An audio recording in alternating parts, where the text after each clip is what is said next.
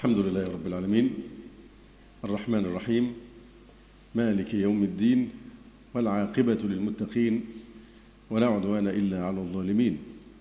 اللهم صل على محمد النبي وأزواجه أمهات المؤمنين وذريته وأهل بيته كما صليت على آل إبراهيم إنك حميد مجيد. أما بعد فنبدأ أولا بالترحيب بمجموعة كبيرة من مش بقول إخوة الصعيد أبدا أنا بقول رجال رجالة الصعيد. في اليوم معنا مجموعة كبيرة من الإخوة من الصعيد من أسيوط وقنا. طبعا قبل كده لو قلنا الكلام ده كان هيحصل حاجات صعبة معاهم يعني. فإحنا نشكر للثورة التي فعلت بالوجه القبلي والوجه البحري ما فعله مينا موحد القطرين. فأصبحنا بعد الثورة قطرا واحدا. لكن الصعيد بالنسبة لنا كانت كأنها دولة أخرى ولا نستطيع حتى أن إحنا ندخلها بتأشيرة لأن ما لهاش سفارة. فالحمد لله الذي جمع شمل الإخوة والثورة وحدت القطرين كما فعل مينا. فنرحب بالإخوة ونسأل الله سبحانه وتعالى أن يجزمهم خيرا. وأن يعيننا على التكفير عن تقصيرنا الشديد مع رجال الصعيد الأكارم. انتهينا في مدارسة قضية التعددية إلى الكلام على الضرار التعددية العقائدية بالمفهوم الذي ذكرنا من قبل. وكما ذكرنا من قبل إن الإسلام يحكم بالكفر والضلال على جميع الأديان سوى الإسلام الذي هو دين جميع الأنبياء والمرسلين عليهم وعلى نبينا الصلاة والسلام. هذا فيما يتعلق بموقفه من الكفر وإبطال ما عداه من الأديان. من شك في هذا طرفة عين فهو لا حظ له في دين الإسلام.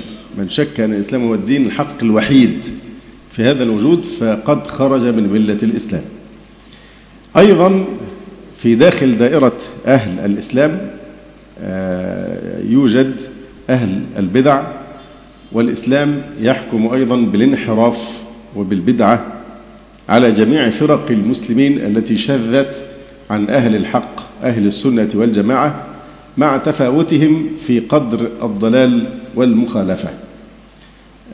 وبينا من قبل كيف بين الإسلام سبل التعايش مع الأديان. ومع الفرق الضالة. ورأينا كيف أن الإسلام جمع بين أمرين في غاية الأهمية في هذه القضية وهو والأمر الأول هو منعهم من إظهار باطلهم والدعوة إليه. وأما الجناح الثاني فهو العدل معهم وحفظ حقوقهم وعدم ظلمهم. أما موقف التعددية العقائدية فإن فيه أخطارا وأضرارا وقضاء على ملة الإسلام وعلى تميز دين الحق.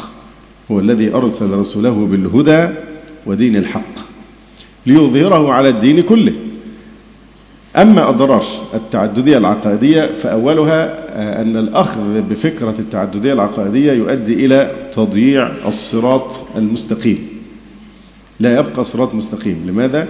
لأن طبقا لفكرة التعددية العقائدية الحقيقة نسبية ولا توجد حقيقة مطلقة ولا يصح لأي دين أو فكر أو مذهب أن يدعي أنه يملك الحقيقة المطلقة لكن الحقيقة بالنسبة لأصحابها هي حقيقة. أما من عدا ذلك فلا يجوز له أن يعني يبطلها أو ينقضها. هذا الصراط المستقيم تضيعه وتطمس معالمه التعددية مع أن الله سبحانه وتعالى قال وأن هذا صراطي مستقيما فاتبعوه ولا تتبعوا السبل فتفرق بكم عن سبيله. وقول الله سبحانه وتعالى وأن هذا صراطي مستقيما فاتبعوه. إذا اتباع الصراط المستقيم الذي هو ملة الإسلام وطريق أهل السنة والجماعة أمر حتمي واجب. لم يكتفي تبارك وتعالى بأن قال فاتبعوه لكنه أيضا نهى عن الطرق المضادة حينما قال ولا تتبعوا السبل. فهذا النهي عن شيء محرم. السبل وهذه سبل على رأس كل سبيل منها شيطان يدعو إليه كما قال النبي صلى الله عليه وسلم. فحينما يقول الله تعالى فاتبعوه في الصراط المستقيم ثم يقول ولا تتبعوا السبل فهذا نهي عن محرم. وهذا النهي يستلزم عدم السماح للفرق الضالة بالظهور والدعوة إلى ضلالها بين المسلمين. آه، وبين الشرع الشريف آه، أنه حينما يخوض أعداء الله وأعداء الإسلام في آه، السخرية من الدين أو الخوض في آيات الله سبحانه وتعالى فإن الراضي والمقر مثل الفاعل.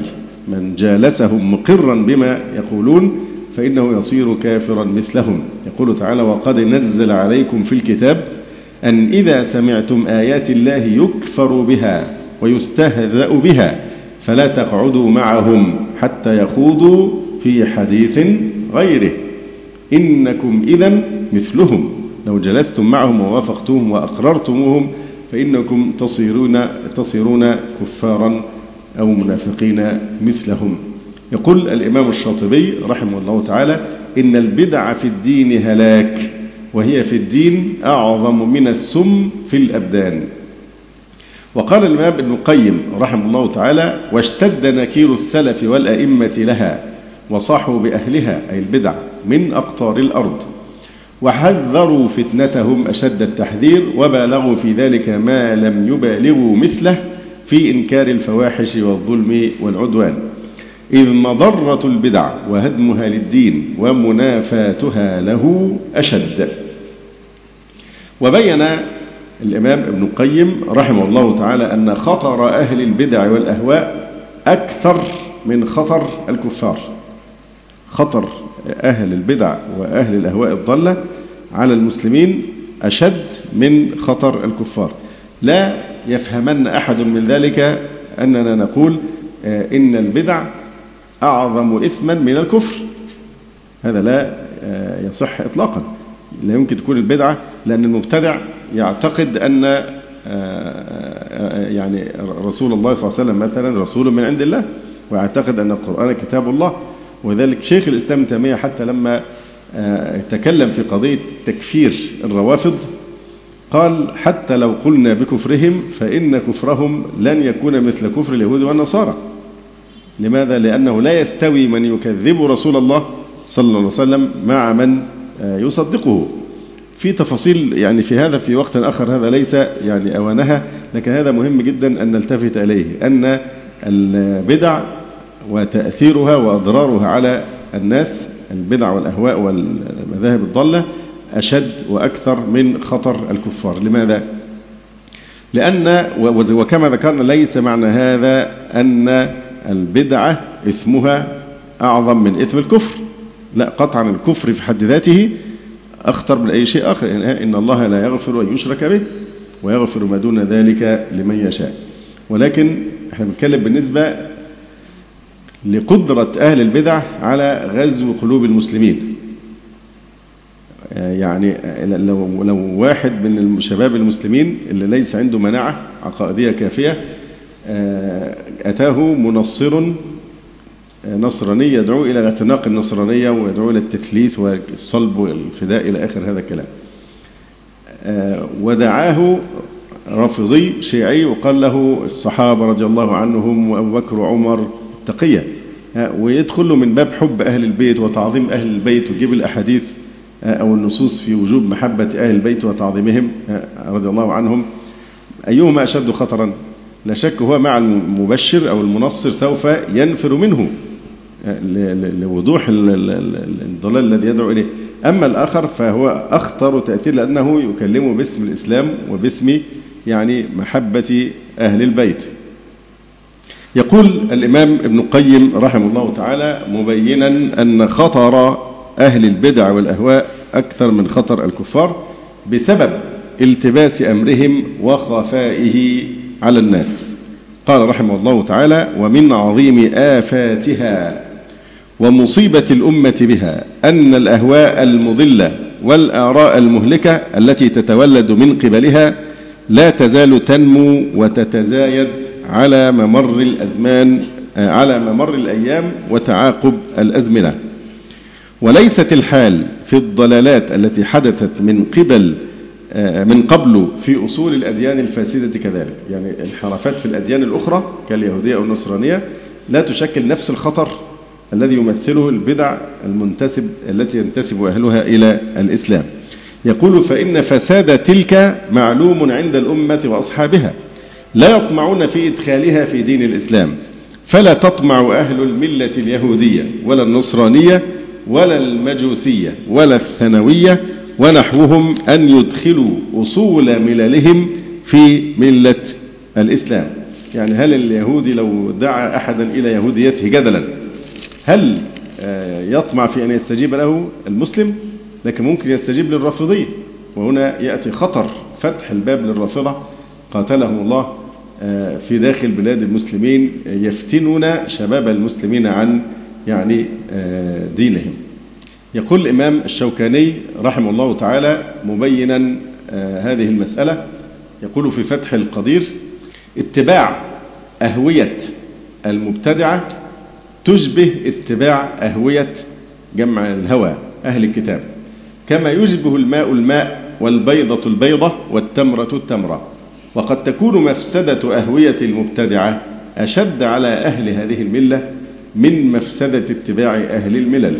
فإن المبتدعة ينتمون إلى الإسلام ويظهرون أنهم ينصرون الدين ويتبعون أحسنه وهم على العكس من ذلك والضد لما هنالك. فلا يزالون ينقلون من يميل إلى أهويتهم من بدعة إلى بدعة ويدفعونه من آه، شنعة إلى شنعة حتى يسلخوه من الدين ويخرجوه منه. وهو يظن أنه منه في الصميم. وأن الصراط الذي عليه هو الصراط المستقيم.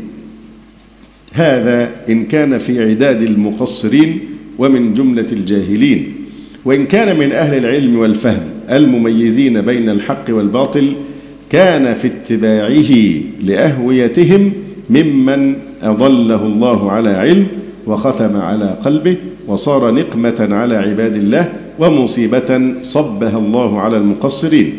لأنهم يعتقدون أنه في عمله وفهمه لا يميل إلا إلى حق ولا يتبع إلا الصواب فيضلون بضلاله فيكون آه، يعني عليه إثمه وإثم من اقتدى به إلى يوم القيامة. نسأل الله اللطف والسلامة والهداية. آه، تكلم العلامة محمد الأمين الشنقيطي رحمه الله تعالى وهو يناقش خطر الصوفية. فقال استعمارهم لأفكار ضعاف العقول أشد من استعمار كل طوائف المسلمين. الضرر الثاني من أضرار التعددية هو أنها مضادة ومصادمة لسبيل المؤمنين. ومن يشاقق الرسول من بعد ما تبين له الهدى ويتبع غير سبيل المؤمنين نوله ما تولى ونصله جهنم وساءت مصيرا. وسبيل المؤمنين هو من عهد الخلفاء الراشدين إلى يومنا هذا. آه، الإمام أبو عمرو ابن الصلاح رحمه الله تعالى أمر بانتزاع مدرسة من أحد المبتدعة وقال أخذها منه أفضل من أخذ عكا. يعني تحرير هذه المدرسة من هذا المبتدع ثوابها أعظم من تحرير عكة من يد الصليبيين. لماذا؟ لأن هذا استعمار للعقول وهذا استعمار للأرض. آه، وهذا طبعا آه، يعني يمكن أن نستفيد منه الآن في الموقف من المدارس الأجنبية آه، التي تبث يعني سمومها أو التبشيرية التي تبث سمومها في أبناء المسلمين. قال أخذها المدرسة منه من المبتدع أفضل من أخذ آه، ولا زال سبيل المؤمنين من ملامحه أنه لا يسمح بظهور البدع والضلالات ونشرها بين المسلمين. أيضا من أضرار التعددية أنها تؤدي إلى تفريق المسلمين وتناكر قلوبهم واضطراب مناهجهم. آه، وهذا بالتالي يسبب بين المسلمين العداوة والبغضاء والشحناء. ولذلك قال إبراهيم النخعي رحمه الله تعالى في تفسير قوله تعالى وألقينا بينهم العداوة والبغضاء قال هم أصحاب الأهواء. وهذه التسمية التي كان السلف يسمون بها أهل البدع. ما في حد من السلف سمى المعتزلة وغيرهم مثلا إن هم العقلانيين. هم لا يستحقون وصف العقلانيين. نحن العقلانيون أهل السنة هم العقلانيون هم الذين يحترمون العقل ويعملونه في مجاله. أما هؤلاء فلم يسموا أبدا وصفا يشعر بشيء من الاحترام كما تصفون أنهم العقلانيين أمال التانيين إيه بقى؟ يلغون العقل. لا كان اسمهم أهل الأهواء أو أصحاب الأهواء. فهكذا قال إبراهيم النقعي في تفسير قوله تعالى وألقينا بينهم العداوة والبغضاء قال هم أصحاب الأهواء والله سبحانه وتعالى يقول ولا تنازعوا فتفشلوا وتذهب ريحكم واصبروا. فتفشلوا وتذهب ريحكم. وهذا يؤدي إلى تسلط العدو على المسلمين. فلا شك أن زرع زرع الاتجاهات المتضاربة في المجتمع الواحد وتغذية هذه الاتجاهات كي تنمو وتزدهر مما يضعف الكيان الإسلامي في الأمة ويورث العداوة والبغضاء والشحناء والفشل بالتالي. يقول الله تعالى فنسوا حظا مما ذكروا به فأغرينا بينهم العداوة والبغضاء إلى يوم القيامة. بسبب ماذا؟ أنهم نسوا حظا فقط مش كل ما ذكروا به حظا مما ذكروا به فالعقوبة فأغرينا بينهم العداوة والبغضاء إلى يوم القيامة. ونحن تكلمنا كثيرا عن السياسة الاستعمارية التي ترفع شعار فرق تسد وكيف أنها أضيف إليها الآن شوش تسد بعد العو... في عصر العولمة شوش. ما تخليش الحق متميز. يبقى كل واحد له حق أن يظهر باطله ويدعو إليه وينشره طبقا لمبدأ التعددية وبالتالي الناس ما يبقاش عندها حد فاصل بين الحق والباطل أو بين الهدى والضلال أو حتى بين الكفر والإيمان. لأن كله يشبه بعضه كل صاحب مذهب يخترع له إلها ويكون هو بالنسبة إليه الإله الحق. أما إن العالم كله والوجود يكون له إله حق واحد فهذا يتضارب مع فكرة يعني التعددية. لذلك معروف جدا أن يعني أهل السنة دائما البلاد التي تفشل فشلا ذريعا كثرة الأحزاب والاختلافات والتفرقات. يسموها الدول الفسيفساء. بتبقى موزايك وكده موزايك. فيها كل أنواع وألوان العقائد وتجد التطاحن والتضارب مما يضعف كيانها كما نرى مثلا في لبنان وغيرها من هذه البلاد. فإذا تغذية أهل البدع وتشجيعهم عن طريق التعددية هو وسيلة لتحطيم وحدة المسلمين. ومن ثم نلاحظ دائما أن العلماء يسمون أهل السنة دائما يقرونها بالإيه؟ بالجماعة لأن السنة تجمع وتوحد أما أهل البدع فيقترنون بكلمة إيه؟ بالافتراق يبقى أهل السنة والجماعة دائما في مقابلة أهل البدعة والافتراق السنة تجمع ولذلك لما أخبر النبي صلى الله عليه وآله وسلم حينما أخبر إن إنه من يعش منكم بعدي فسيرى اختلافا كثيرا أضاف إلى ذلك قوله إيه؟ فعليكم بسنتي. فعليكم بسنتي. يعني علاج الفرقة في الاعتصام بسنة النبي صلى الله عليه وآله وسلم. فدايما النور يأتي في القرآن كما ذكرنا مفردا. أما الباطل فيأتي مفيش ظلمة. القرآن فيه ظلمات. الله ولي الذين آمنوا يخرجهم من الظلمات إلى النور. دايما الظلمات جمع والحق إيه؟ واحد نور مفيش أنوار. ها؟ فلأن البدع يحدث فيها دائما انشطارات داخلية. قال أحد السلف وهو يفسر كثرة الانشقاقات والانشطارات الداخلية في فرق الخوارج.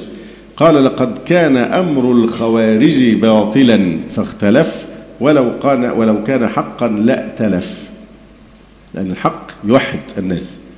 يأتلف ويتحد أمرهم يقول لو لقد كان أمر الخوارج باطلا فاختلف فتصدعوا. ولو كان حقا لائتلف ويقول شيخ الإسلام ابن تيمية رحمه الله تعالى والبدعة مقرونة بالفرقة كما أن السنة مقرونة بالجماعة. وقد رأينا آه، كثيرا كيف يعني أثر هؤلاء المبتدعة في التاريخ الإسلامي في إضعاف الأمة. يعني هذه الفرق الضالة لا يأتي منها خير إطلاقا. لما تتبع الفتن كانت في داخل الأمة بسبب هذه الفرق الضالة. يعني رأينا كيف فتنة السبائية فتنة عبد الله بن سبأ مؤسس دين الشيعة وكيف انتهت بقتل ذي النورين عثمان بن عفان رضي الله تعالى عنه. آه، والفتن التي حدثت ونتج عنها بدعة الخوارج والرافضة رأينا القدرية والمعتزلة والجهمية المعتزلة حينما آه، تبنى الحاكم العباسي القول بخلق القرآن وجرت على الأمة فتن عظيمة جدا بسبب موضوع خلق آه، القرآن وامتحن الأئمة وعذب الإمام أحمد رحمه الله تعالى آه، هذا كله بسبب ماذا؟ بسبب فساد العقيدة وأن البدع تغذي الخصومات وتسبب الجدل والمراء المذموم في الدين. كذلك أيضا رأينا الرافضة. كيف خانوا الدولة العباسية؟ وتآمروا مع التتار وتآمروا أيضا مع الصليبيين وحصلت بسببهم محن كثيرة. الرافضة لا يستطيعون الاستغناء عن الخيانة. كل تاريخهم دائما إذا كان أهل الإسلام في صف فهم يقفون مع أعداء أهل الإسلام في الصف الآخر أيام التتار آه، وحتى آخر لحظة سواء ما حدث في العراق أو غيرها والمحنة التي آه، يعانيها إخواننا في سوريا الآن. من الذي آه، يضغط أشد الضغط لاستمرار هذه المذبحة؟ إيران والشيطان حسن نصر اللات وعصابة الروافض كان في كل مكان. هم أساسا هم الكيان الذي مع أن الرافضة في إيران علماءهم يكفرون النصيرية. وده يعني شيء مستوعب لأن النصيرية مشركون لا حظ لهم في الإسلام على الإطلاق. هم ولاد عم مشتقين من نفس الشجرة الخبيثة. لكن النصيريون مشركون. يعني يعني هم يقول لي هنا علي رضي الله عنه. إلههم هو علي. يقول لك وهو العلي العظيم.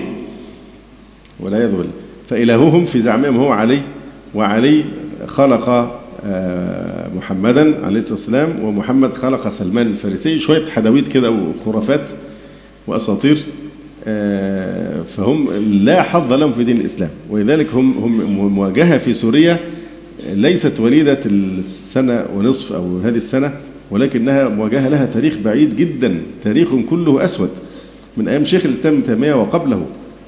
معروف النصيريون وعدائهم لأهل الإسلام فالعداء هنا ناشئ عن عقيدة اختلاف في الدين فهم مشركون كفار يكرهون الإسلام ويكرهون أهل التوحيد وأهل الإسلام ولذلك صرحوا بمنتهى الوضوح سورية إما لنا وإما لا سورية. يعني شيء فوق ما يتخيله البشر إن حاكم اللي هو المفروض وظيفته يحمي شعبه. يعني حاكم بيقتل يذبح شعبه بهذه الصورة الوحشية الجبانة ده جبن. هذا جبن إن أنت بطيران وأسلحة ثقيلة ودبابات والقذائف تيجي وزي ما تيجي يعني هو مش مثلا في مجموعة معينة آه، إرهابية ولا كما يقولون آه، فهو يحاول آه، ضربها لا ده بيضرب وزي ما تيجي في أي حد لأن كل هؤلاء أعداؤه بمن فيهم الأطفال الذين إذا كبروا سوف يجاهدونهم ويكفرونهم أيضا أو النساء أو الشيوخ أو نحو ذلك. فهي حرب عقيدية بسبب هذا الاختلاف في الدين والاختلاف في العقيدة. مشكلتنا مع الرافضة مع حسن نصر. كنا نقول من مدة من أيام فتنة حسن نصر في لبنان آه، أن اختلاف العقيدة واختلاف الدين هو يعني الذي يجعلنا نأخذ منه هذا الموقف. وأظهرت الأيام أنه له دينه ولنا ديننا. هذا اختلاف في دين مش اختلاف مذهبي. آه، نفس الشيء وبصورة أشنع آه، مع هؤلاء المشركين في سوريا لأنهم طبعا قلة قليلة جدا 10% تقريبا من تعداد السكان. لكن من ساعة ما حافظ الأسد قام بالانقلاب سنة 70 أو 71 واستولى على كل مفاصل القوة في المجتمع السوري وبالتالي أذاقوا المسلمين أشد أنواع النكال. وهم إلى الآن يصرون على أن إما سوريا تكون في قبضتهم ليذلوا شعبها آه، أو لا سورية يعني يمسحونها عن الخريطة من الخريطة تماما. سوريا إما لنا وإما لا سوريا هذا كله ناشئ بإيه؟ اختلاف في العقيدة. وهذا هو التفسير الوحيد اللي هو يمكن يقنع الناس بأن الذي يحصل من المذابح الوحشية في سوريا الآن آه، ما هو إلا بسبب اختلاف العقيدة. في اختلاف هو هذا دين وهؤلاء دين. ولذلك نجد الوحشية والجبن في آه، تعاملهم مع إخواننا يعني في آه، سوريا نسأل الله سبحانه وتعالى أن ينصرهم على هؤلاء المشركين. أيضا رأينا كما ذكرنا الرافضة رأينا الباطنيين كالبويهيين والعبيديين والقرامطة كيف أنهم لما تمكنوا وازدهروا قاموا بقمع السنة وإظهار الإلحاد والزندقة وكيف أن القرامطة قتلوا الحجاج. في, في, في, في, في داخل الحرم المكي وألقوا جثثهم في بئر زمزم واقتلعوا الحجر الأسود. قصة معروفة تاريخ دايما لا يأتون إلا بالشر. وهم الذين مكنوا النصارى دائما من ديار المسلمين. رأينا كيف أن الدولة العثمانية لما انتشرت في أوروبا وفتحت أماكن كثيرة جدا في أوروبا. وكان الناس يدخلون في دين الله أفواجا نتيجة هذه الفتوحات العثمانية. آه، الشوكة التي أخرت آه، أسلمت أوروبا هم كانوا الصفويين الرافضة الذين كانوا دائما يعني شوكة في ظهر الخليفة العثماني وكان كلما ذهب إلى الجهاد يطعنونه في ظهره. ويدخلون الأستانة ويهددون الدولة فيضطر إلى قطع الجهاد. ولذلك الذي الذي حرم أوروبا أو أماكن كثيرة في أوروبا من نعمة الإسلام هم الرافضة الصفويون الإيرانيون الذين أساسا نشروا دين الرافضة في إيران عن طريق المذابح والقهر آه، والقوة. يعني قتل عدد كبير جدا آه، في عملية إجبار الناس على الدخول في دين الشيعي. في إيران وبالتالي انقلبت الأغلبية السنية إلى أقلية كما هو الواقع الآن. يقول شيخ الإسلام ابن تيمية وهو يوضح هذه الحقيقة. يقول رحمه الله تعالى ولهذا لما ظهرت الملاحدة الباطنية وملك الشام وغيرها ظهر فيها النفاق والزندقة الذي هو باطن أمرهم وهو حقيقة قول فرعون إنكار الصانع وإنكار عبادته. وخيار ما كانوا يتظاهرون به الرفض. كما قال الغزالي باطن ظاهرهم الرفض وباطنهم الكفر المحض. كانوا يتسترون وراء الرفض تشيع. لكن في الحقيقة كانوا زنادقة باطنية. يقول فكان خيارهم وأقربهم إلى الإسلام الرافضة. وظهر بسببه الرفض والإلحاد. حتى كان من ينزل الشام مثل بني حمدان الغالية ونحوهم متشيعين وكذلك من كان من بني بويه في المشرق. وقال أيضا شيخ الإسلام فلما ظهر النفاق والبدع والفجور المخالف لدين الرسول صلى الله عليه وسلم سلطت عليهم الأعداء فخرجت الروم والنصارى إلى الشام والجزيرة مرة بعد مرة. وأخذوا الثغور الشامية شيئا بعد شيء إلى أن أخذوا بيت المقدس في أواخر المئة الرابعة. وبعد هذا بمدة حاصروا دمشق. وكان أهل الشام بأسوأ حال بين الكفار النصارى والمنافقين الملاحدة. وقال في موضع آخر فكان الإيمان بالرسول صلى الله عليه وسلم والجهاد عن دينه سببا لخير الدنيا والآخرة وبالعكس البدع والإلحاد ومخالفة ما جاء به صلى الله عليه وسلم سبب لشر الدنيا والآخرة. فلما ظهر في الشام ومصر والجزيرة الإلحاد والبدع سلط عليهم الكفار. ولما أقاموا ما أقاموه من الإسلام وقهر الملحدين والمبتعين والمبتدعين نصرهم الله على الكفار. هذا أوضح ما يكون في آه، الدولة الأيوبية في صلاح الدين آه، الأيوبي ونور الدين محمود. لأن لما قضوا لما قضى صلاح الدين الأيوبي على الدولة الملحدة العبيدية هنا في مصر المسمى زورا بالدولة الفاطمية لما قضى عليهم مكن الله الإسلام وبعد ذلك صلاح الدين تمكن من تحرير آه، القدس. ومصداق قول شيخ الإسلام هذا واقع في زماننا بوضوح في كثير من بلاد المسلمين التي وقعت تحت هيمنة العالمانية والأقليات الباطنية وأهل البدع والأهواء. بينما البلاد التي تسود فيها السنة ولا يستطيع أهل البدع أن يرفعوا فيها رؤوسهم لا تزال بحمد الله قوية عزيزة وشعائر الدين فيها ظاهرة وتآلف وترابط المسلمين فيها بين. هذا هو السر وراء أن الغرب يريد أن يزرع مفهوم التعددية العقائدية ليفرق هذه الأمة المتماسكة ويضغطون على الحكومات الإسلامية كي تسمح بالتعددية بهذا المفهوم آه، يعني المرفوض إسلاميا لأنها تخدم أهدافهم في آه، تدمير المسلمين وإضعافهم. أيضا من مخاطر آه، التعددية أنها أصحاب المذاهب التعددية هؤلاء يشكلون الطابور الخامس. في داخل المجتمع يعني الإسلامي. ويكونون وسيلة لتمكين العدو من بلاد المسلمين. يكونون وسيلة لكشف عورات المسلمين وأسرارهم ونقاط الضعف فيهم ومن ثم استثمار نقاط الضعف والتسلط عليها وإيقاعها تحت نفوذه وتحكمه. فعلم بالمشاهدة والتجربة في قديم الدهر وحديثه أن العدو دائما ما يستفيد من الفرق الضالة داخل المجتمع ويتعاون معها للإضرار بالمسلمين.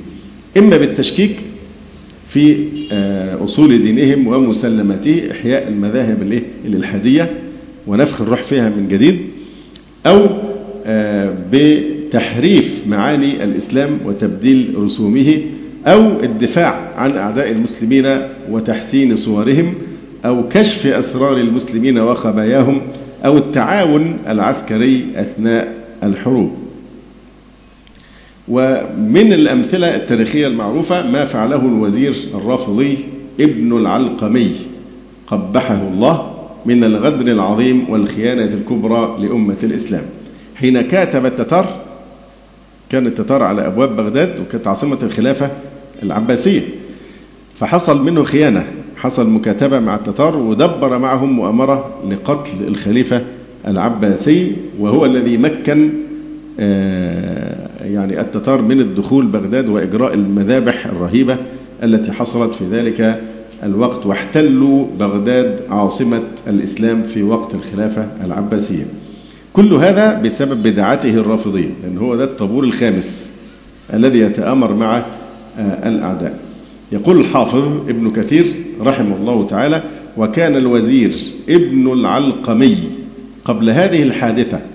هو يعني هو ممكن و آه، يعني تبوأ مناصب حساسة جدا في الدولة وهذا من التسامح الأبله الذي يحصل من بعض البلاد الإسلامية لا نريد أن نسمي حتى يبلغ التسامح الأبله إلى حد أن آه، يتغول الرافضة. خلينا نقول يعني كما في البحرين آه، وبالتالي يهددون الكيان الإسلامي ويريدون أن يستولوا البرلمان الإيراني في مقعد لمحافظة البحرين. البرلمان الإيراني في مقعد لمحافظة البحرين. فهم يتعاونون مع البحرين أنها محافظة من محافظات آه، الدولة الرافضية الخبيثة. آه، يقول الحافظ عمل إيه بقى ابن العلقمي ظل يضعف الجيش الإسلامي في داخل الدولة يخفض الميزانية ويقلل العدد بيخطط حتى ينهك الجيش المسلم السني في العراق ثم بعد ذلك استدعى التتار ودبر معهم مكيدة وأخذوا اصطحب عدد كبير كل الوزراء والخليفة وناس كتير جدا وراحوا دخلوا على التتار وأقاموا لهم جميعا مذبحة كبيرة جدا كما هو معلوم. يقول الحافظ ابن كثير رحمه الله: وكان الوزير ابن العلقمي قبل هذه الحادثة يجتهد في صرف الجيوش تسريح الجيش وإسقاط أسمائهم من الديوان فكانت العساكر في آخر أيام المنتصر قريبا من مائة ألف مقاتل. منهم من الأمراء من هو كالملوك الأكابر الأكاسر فلم يزل يجتهد في تقليدهم في تقليلهم إلى أن لم يبق سوى عشرة ألاف يعني الجيش كان مئة ألف مقاتل ظل يخفض في الميزانية ويسرح الجيش وصلوا كام؟ العشر ها؟ عشرة آلاف مقاتل. ثم كاتب التتار سرا وأطمعهم في أخذ البلاد وسهل عليهم ذلك وحكى لهم حقيقة الحال. قال لهم ده الجيش ما فيش خلاص إحنا شلنا تسع عشر ها؟ سرحناه حكى لهم حقيقة الحال وكشف لهم ضعف الرجال وذلك كله طمعا منه أن يزيل السنة بالكلية وأن يظهر البدعة الرافضة وأن يقيم خليفة من الفاطميين وأن يبيد العلماء والمفتين والله غالب على أمره. وقد رد كيده في نحره وأذله بعد العزة القعساء وجعله حشكاشا حشكاشا للتتار يظهر يعني منصب ذليل في مهانة. بعدما كان وزيرا للخلفاء. واكتسب إثم من قتل ببغداد من الرجال والنساء والأطفال فالحكم لله العلي الكبير رب الأرض والسماء. لأن بعد ذلك أذلوه أشد الإذلال. فعمله الله بما يستحقه. اختلف الناس في كمية من قتل في بغداد من المسلمين في تلك الواقعة فقيل ثمانمائة ألف وقيل ألف ألف يعني مليون وثمانمائة ألف وقيل بلغت القتلى ألفي ألف نفس يعني اثنين مليون نفس فإنا لله وإنا إليه راجعون. ثم قال الحافظ ابن كثير رحمه الله تعالى وقتل الخطباء بعدما قتلوا كل الدولة والخليفة. قتل الخطباء والأئمة وحملة القرآن. طبعا نفس اللي حصل في العراق. قتل أئمة المساجد بلا يعني بعدد ضخم جدا. وكنا ساعتها لسه بال يعني الجهال المسلمين لا يدركون أمثال هذه الحقائق ولا يدركون خطر الرافضة على دين الإسلام. هذا يعني من أعجب الأشياء. فنفس الشيء اللي حصل في العراق قتل الناس على الهوية والمذابح التي جرت على أيدي الرافضة قتلهم الله بحيث أن العراق الآن تكاد تكون فلسطين الثانية بالنسبة للمسلمين. يعني تعاون الأمريكان مع الرافضة وفعلوا بالسنة في العراق ما هو يعني معلوم. يقول وقتل الخطباء والأئمة وحملة القرآن وتعطلت المساجد والجماعات لمدة شهر في بغداد. وأراد الوزير ابن العلقمي قبحه الله ولعنه أن يعطل المساجد والمدارس والربط ببغداد ويستمر بالمشاهد ومحال للرفض كعادتهم. يخربون المساجد ويعمرون المشاهد مشكلة كلها في المشاهد. فهو أراد أن هو يقضي على المساجد ويخرب كل حلق الذكر والقرآن والطلب العلم إلى آخره. في نفس الوقت يعمر المشاهد اللي هي فيها عبادة الموتى والأضرحة وهذه الأشياء. وراد أن يبني للرافضة مدرسة هائلة ينشر علمهم وعلمهم بها وعليها. فلم يقدره الله تعالى على ذلك بل أزال نعمته عنه وقصف عمره بعد شهور يسيرة من هذه الحادثة. ستيفن شوارتز هذا مفكر أمريكي حاقد على الإسلام يقول وهو يمدح التعددية العقائدية وكيف أنها تخدم أهداف هؤلاء القوم؟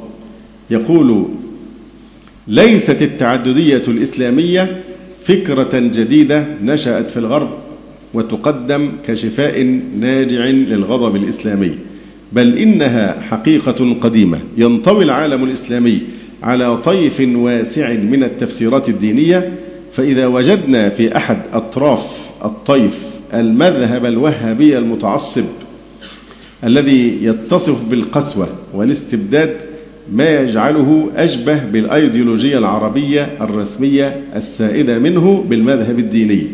فإننا نجد في الطرف الآخر التعاليم المتنورة للصوفية. التعاليم المتنورة للصوفية. لا تؤكد هذه التعاليم على الحوار داخل الإسلام وعلى الفصل بين السلطة الروحية وسلطة رجال الدين.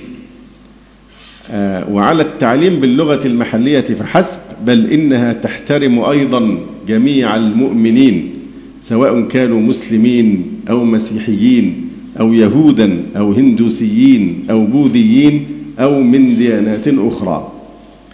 تشدد الصوفية علاوة على ذلك على التزامها باللطف. ناس لطيفة. اللطف والتفاعل والتعاون المتبادل بين المؤمنين بغض النظر عن مذاهبهم. ثم يقول إذا أخذنا هذه الصورة المتنوعة بعين الاعتبار فكيف يجب على الصوفية أن تدخل في الاستراتيجية الأمريكية للتعامل مع العالم الإسلامي؟ آه، هذا طبعا واضح جدا الثناء على الصوفية ووصف أنهم يعني هم الناس المتنورون وأن فضائلهم كثيرة جدا فهم يعني آه، تعاليمهم تشجع على الحوار وعلى الفصل بين السلطة الروحية وسلطة رجال الدين. كأن إحنا هنا في الكنيسة في القرون الوسطى. إحنا ما عندناش سلطة روحية وسلطة زمنية. أو أقصد يعني الفصل بين الدين والدولة. هو الإسلام كده. اللي ربنا أنزله دين شامل لكل نظم الحياة. هم يصرون بالقوة وبالقهر وبالعافية على يقول على المصطلحات ما أنزل يقول لك الإسلام السياسي. مين قال لكم الإسلام السياسي؟ من من قال هذا؟ هي كده. بالعافية لازم أنتوا اسمكم إسلام سياسي. ويرفضون إن إحنا نوصف بإيه؟ بالإسلام. لا الإسلام السياسي. وطلعت لنا الكلمة الغريبة دي الإسلاميين. لكن الناس تسامحت معها في وقت من الأوقات عشان ما يقولش إن هم بيكفروا المخالفين. ودي حقيقة. لكن هي كلمة الحقيقة مش ما, ما فيش حاجة اسمها مسلم يعني إيه؟ يؤمن ببعض الكتاب ويكفر ببعض. عندنا يعني آية الكرسي هي من كلام الله وأحكام الصلاة وأحكام الزكاة تماما مثل أي آية في الميراث أو الطلاق أو كذا كله كلام الله وكله أحكام الله. فموضوع الإسلام السياسي هذا من ألاعبهم وخدعهم للترويج لمثل هذه المذاهب. دول الإسلام السياسي دي طائفة يعني كده و... و... لكن المسلمين لا مش كلهم يعترفون بأن الإسلام دين ودولة. إسلام سياسي اللي هو بيدخل بقى في السياسة. فمين قال كان في, إسلام سياسي؟ من, من قال هذا؟ من أين أتيتم بهذا؟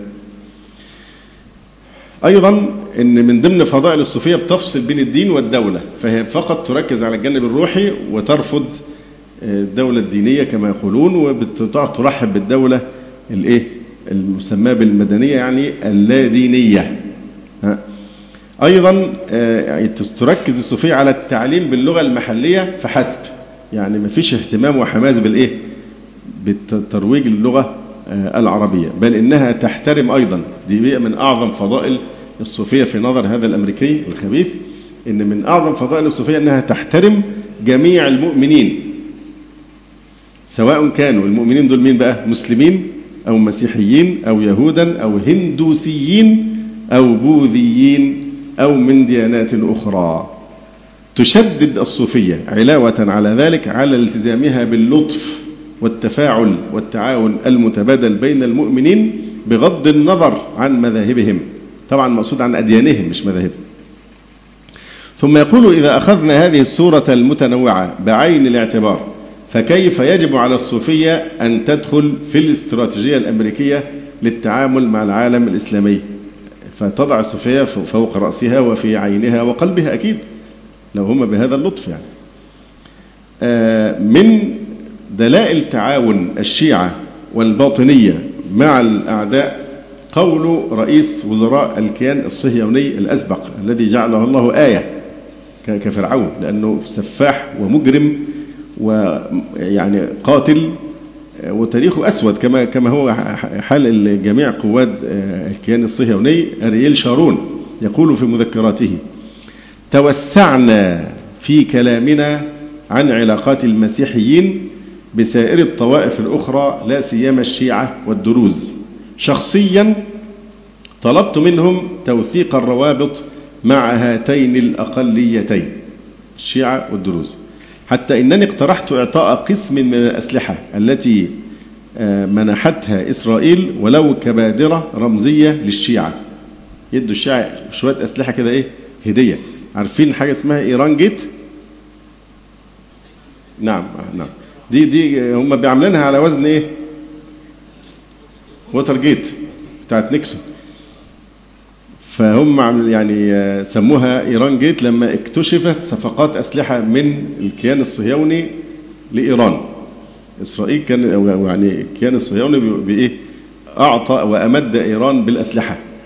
ففضحت طبعا وانكشفت أعتقد في عصر ريجن في عهد ريجن فبيقول إيه شارون؟ حتى إنني اقترحت إعطاء قسم من الأسلحة التي منحتها إسرائيل ولو كبادرة رمزية للشيعة الذين يعانون هم أيضا مشاكل خطيرة مع منظمة التحرير الفلسطينية. بص العبارة بقى بيقول إيه؟ ومن دون التدخل في أي تفاصيل. مش هشرح بقى عشان الموضوع يفضل يعني مكتوم. يقول ومن دون التدخل في أي تفاصيل. لم أرى يوما في الشيعة أعداء لإسرائيل على المدى البعيد. ومن دون التدخل في أي تفاصيل لم أرى يوما في الشيعة أعداء لإسرائيل على المدى البعيد. أيضا من أخطار وأضرار التعددية أن هذه التعددية تستلزم تعطيل شريعة الأمر بالمعروف والنهي عن المنكر. وطبعا شريعة الأمر بالمعروف والمنكر المشكلة دلوقتي إن هو إحنا بنحارب حرب مدروسة جدا. يعني الناس دلوقتي خلاص أصبحت لما تيجي تتكلم عن الحجاب لأ ما حدش هيجبر النساء على الحجاب. لأ ما قلنا لهمش البسوا حجاب. لأ ويفضل أنت هو بيهاجمك عشان أنت تتبرأ. لأن الجو إيه؟ بيحطك في جو. لو أنت وافقت على الحجاب أو قلت بفرضية الحجاب اذا أنت اللي قتلت السويس وأنت اللي قتلت كذا ويلبسوك القضية دي كلها. فمن ثم حصل هو ده جو مدروس ده مقصود. حملة شديدة جدا عشان تفضل تتبرأ زي ما حصل قبل كده مع فكرة الجهاد والتكثيف اتهام المسلمين في قضية الجهاد بحيث يقولوا لا لا ده الإسلام دين سلمي ودين كذا وما عندناش الحاجات دي كانت حروب دفاعية إلى آخره. نفس الشيء دلوقتي الغريب إن فمن الخطأ الشديد إن يتكلم على موضوع الأضرحة. في فرق بين إن إحنا نقول إن من حيث المصلحة مصلحة الأمة ككل آه، إن إن إحنا يعني لا نغير المنكر أحيانا باليد لأن طبعا الأمر المنكر له فقه دقيق جدا. وغالبا ما يكون التغيير باليد في الغالب على يد أهل الحزب اللي هم معينين من الحاكم. فإحنا بنتكلم فيها حتى ولو كقضية نظرية لكن ما ينفعش إن إحنا نصدرها إنها جريمة. لا نحن نتبرأ ما فيش حاجة اسمها جماعة الأمر بالمعروف والنهي عن المنكر. هو الرسالة اللي بتوصل إيه؟ حذاري حد يجيب سيرة الأمر بالمعروف والنهي عن المنكر. حذاري. اللي هيقرب يبقى أنت اللي قتلت. إيه أبي ولا أمي ولا أخي ال ال ال أو الناس دي. أو بتاع السويس أو بتاع أبو كبير إلى آخره. فهي مقصودة الحقيقة. عشان حتى الغناء لأبدا ده أبو كبير مليانة متبرجات محدش بيقرب لهم والشباب ماشيين وضع طبيعي 100% وماشيين على كورنيش النيل بنات وفتيات يعني بيطمنوا الناس على إن الوضع ده هذا وضع الشرع يقره. لا هو هو هو لابد من توضيح هذه الحقائق وعدم تسليط الضوء على جزء فقط من القضية الذي يقتضي تبرئة الإخوة مثلا من ممارسة أو هذه الممارسات. حاجة زي الأمر بالمعروف ممكن أصبحت كأنها جريمة. في حين إحنا لو, لو ده الإسلام ده هو قطب رحى الإسلام هو الأمر لأن أعظم المعروف هو التوحيد وأنكر المنكر هو الشرك. الحجاب خلاص أنت مش عايزة تبقى مسلمة أنت حرة. عايزة تبقى مسلمة عاصية أنت مسؤولة أمام الله لكن الحجاب فريضة وهو معلوم من الدين بالضرورة وهكذا في كل القضايا قضايا المقابر والأضرحة. أيوة بس في توحيد وفي شرك في أحاديث تحرم بناء المساجد على القبور وآيات ونصوص كثيرة جدا تكفر من يعبد غير الله أو يطوف بغير الكعبة أو نحو ذلك من الشركيات المعروفة الذبح لغير الله وهذا هذا كله شرك مش هيتغير وصفه. لكن مش شرط أنه يغير بالإيه؟ باليد. الغالب إن الأصل هو التغيير باللسان واحيانا يكون بمجرد القلب. لكن ما تحولش المنكر لمعروف والمعروف إلى منكر وتلبس على يعني الناس. فمن أخطر آه، مقاتل أو مضار آه، التعدديه هو أن التعددية تستلزم تعطيل شعيرة أمر المعروف والنهي عن المنكر التي هي قطب رحى الإسلام. يقول الله سبحانه وتعالى كنتم خير أمة أخرجت للناس تأمرون بالمعروف وتنهون عن المنكر وتؤمنون بالله. وقال عز وجل ولتكن منكم أمة يدعون إلى الخير ويأمرون بالمعروف وينهون عن المنكر. وقال عز وجل لعن الذين كفروا من بني إسرائيل على لسان داود وعيسى بن مريم. ذلك بما عصوا وكانوا يعتدون. كانوا لا يتنهون عن منكر فعلوه. لبئس ما كانوا يفعلون. إذا التعددية تستلزم تعطيل شعيرة أمر بالمعروف والنهي عن المنكر. العلمانية والليبرالية وسائر أعداء الدين ما عندهمش مشكلة إطلاقا إطلاقا في إن أنت تتعبد زي ما أنت عايز. صيام ونوافل وأذكار وصلاة وتنفل مفيش مشكلة خالص في العبادة. كل مشكلتهم إن الإسلام يقود سفينة المجتمع. إنه يتدخل في الحياة يتدخل في علاقة الناس وبعضهم البعض. هذا هو كل الذي يؤرقهم أو ما يسمونه هم الآن الإسلام السياسي. لكن هم ما عندهمش مشكلة هم ما عندوش مشكلة في إنك تتعبد وت... لكن مشكلته إيه؟ إنك تصبغ المجتمع بصبغة تدل على هويته الإسلامية. أخطر حاجة. ولذلك لو فاكرين أيام أحمد رشدي مين أحمد رشدي؟ وزير الداخلية هو كان كان نظيفا في محاربة المخدرات وطبعا عارفين اللي حصل بعد كده موضوع الأمن المركزي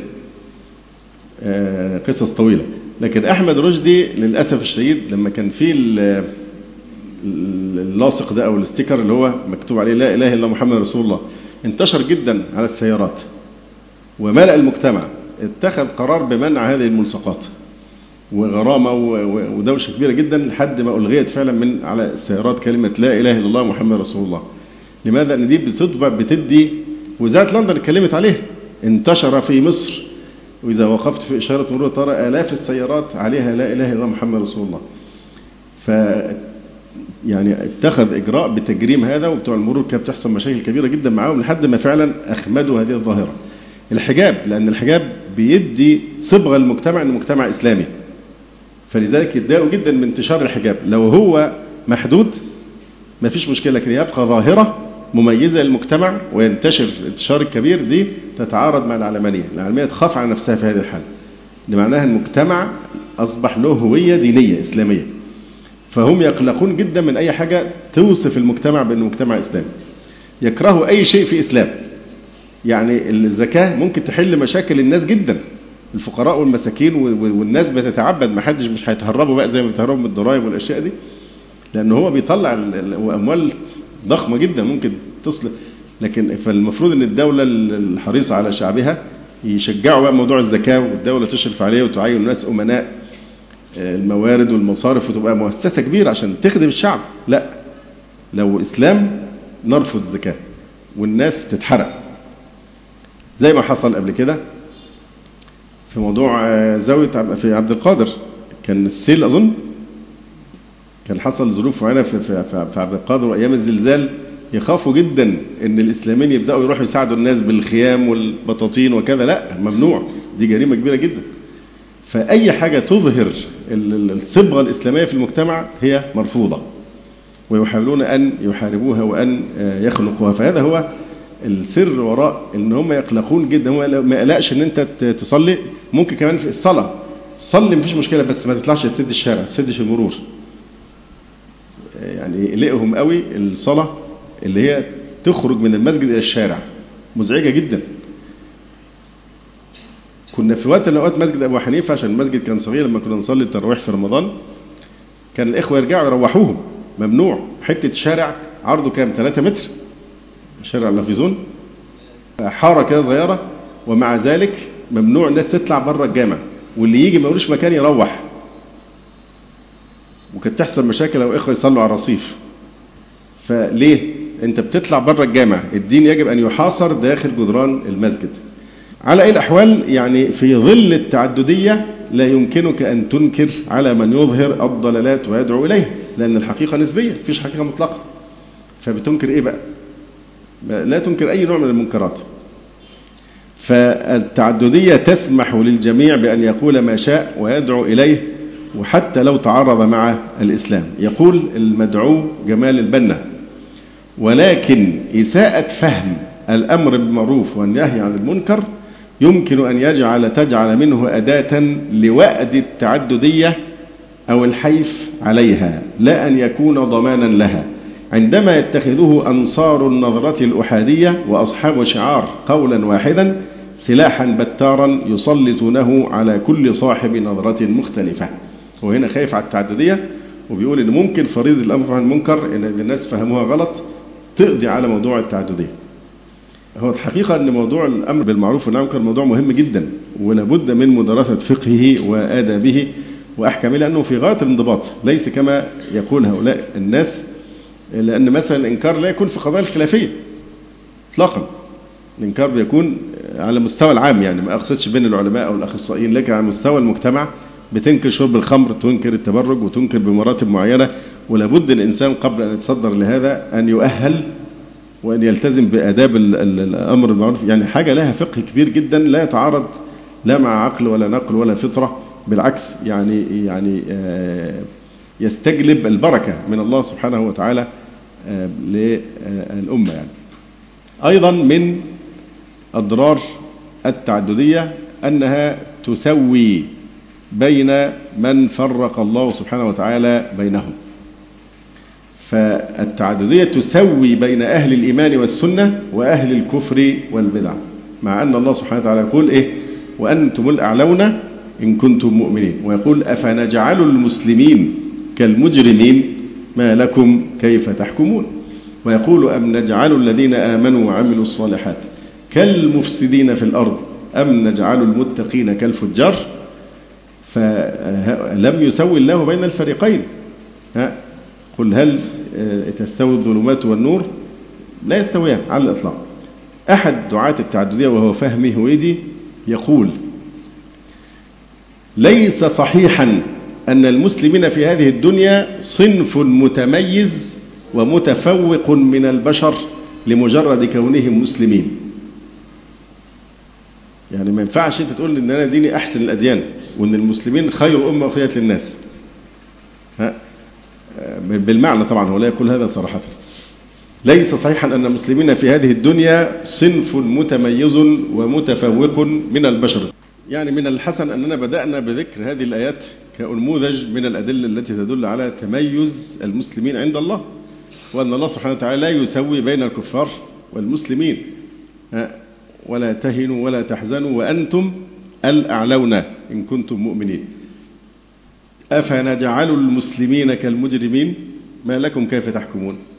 أم نجعل الذين آمنوا وعملوا الصالحات كالمفسدين في الأرض؟ أم نجعل المتقين كالفجار؟ يقول فهمي هويدي وهو أحد دعاة التعددية ليس صحيحا أن المسلمين في هذه الدنيا صنف متميز ومتفوق من البشر لمجرد كونهم مسلمين. وليس صحيحا أن الإسلام يعطي أفضلية للمسلمين ويخص الآخرين بالدونية. ليس صحيحا أن ما كتبه أكثر الفقهاء في هذا الصدد هو دين ملزم. لا مش كتبه فقهاء ده قرآن وسنة. الإسلام يعلو ولا يعلى والنصوص التي ذكرناها وأضعافها كثير. فبيقول لا ده اجتهادات فقهاء. زي نفس اللي حصل من الدكتور العوا برضو الكلام اللي ذكرناه الأسبوع الماضي. نفس الشيء. يقول لك إن التعددية وإن إيه مش مجرد إن واحد يخالفني في الرأي والاجتهاد أنا لا مش خلاف اجتهاد. لو خلاف اجتهاد ماشي. اختلاف سائر. لكن ده خلاف في إيه؟ في قواطع قضايا معلومة من الدين بالضرورة. مثل أن الإسلام هو دين الحق الوحيد في هذا الوجود وأن ما عداه باطل. دي قضية خلافية اجتهادية فهي دايما مراوغة في في تناول هذه القضايا الخطيرة. فنفس الأسلوب بيقول لك ليس صحيحا أن ما كتبه أكثر الفقهاء في هذا الصدد هو دين ملزم وحجج لا ترد. إنما هو اجتهاد يصيب ويخطئ. إن دعاوى التميز على الآخرين وتكريس هذا التميز من جانب أكثر الفقهاء إنما تستخدم لغة ليست مقبولة دينا فضلا عن أنها لغة باتت محل إدانة أو إدانة في هذا العصر. يرى أن العصر الحديث والحضارة والمفاهيم العولمة بتدين خلاص حكاية أنك تقول أنا عندي دين متميز عن الآخرين أو أنا ديني هو أفضل الأديان وأن هو الحق الوحيد. لا الكلام ده الموضة الجديدة في العصر الجديد الكلام ده بيدان. هذا يدان فالمفروض إن إحنا خلاص ما نستعملش اللغة دي. طيب نقول إن الحضارة الغربيه تدين عقوبة الردة وتدين مبدأ ال ال ال الولاء والبراء وتدين الجهاد وتدين حجاب المرأة وتدين أحكام المواريث تعتبرها تمييز والتعدد وتدين الأمر بالمعروف والنهي عن المنكر. يبقى المفروض نحذف هذه الأشياء لإرضاء الزبون الأجنبي لأنه دائما على حق. فما كتبه الفقهاء؟ من تميز المسلمين وعلوهم على سائر الأمم بالتوحيد وبالإيمان بالله وبرسوله صلى الله عليه وسلم. هذا إجماع من جميع علماء الأمة المعتبرين استندوا فيه إلى الأدلة الصحيحة الصريحة من القرآن والسنة فهو دين ملزم وحجج لا ترد وليس اجتهادا يصيب ويخطئ. ثم إن الله سبحانه وتعالى حينما أثنى على الأمة المحمدية وبين أنها خير أمة أخرجت للناس. ذكر مؤهلات هذه الخيرية. يعني ليس التمييز هنا تمييزا عنصريا مش عشان جنس العرب وإنما هو بسبب صفات أهلتهم لهذا المقام. كنتم خير أمة أخرجت الناس تأمرون بالمعروف وتنهون عن المنكر وتؤمنون بالله في مؤهلات مش تعصب كما هو الحال عند بني إسرائيل اللي هو دعواهم أنهم شعب الله المختار لمجرد أنهم إيه؟ عنصر يهودي من بني إسرائيل. أيضا من أخطار التعددية أنها تشوه حقائق الإسلام. زي ما شفنا كده فهم هويدي وغيره لما يشوهوا حقائق الإسلام لإيه؟ لإرضاء آه يعني الغرب. أيضا آه التعددية بهذا المعنى تصد عن سبيل الله وتبغيه عوجا. فصورة الإسلام النقية تجذب بجمالها المهتدين إليها من الكفر. أما أفكار الضلال فإنها تشوه جمال الإسلام. اللي بيشوه جمال الإسلام هو الأفكار المنحرفة الضالة زي مثلا التطبير. الشيعة ما بيعملوا التطبير يجيبوا السيوف يخلعون يعني ثيابهم ويفضلوا إيه يعني يضربون أنفسهم بالسيوف وحتى تسيل الدماء على أجسامهم. ويضربون أيضا رؤوس الأطفال حتى يسيل هذا الدم.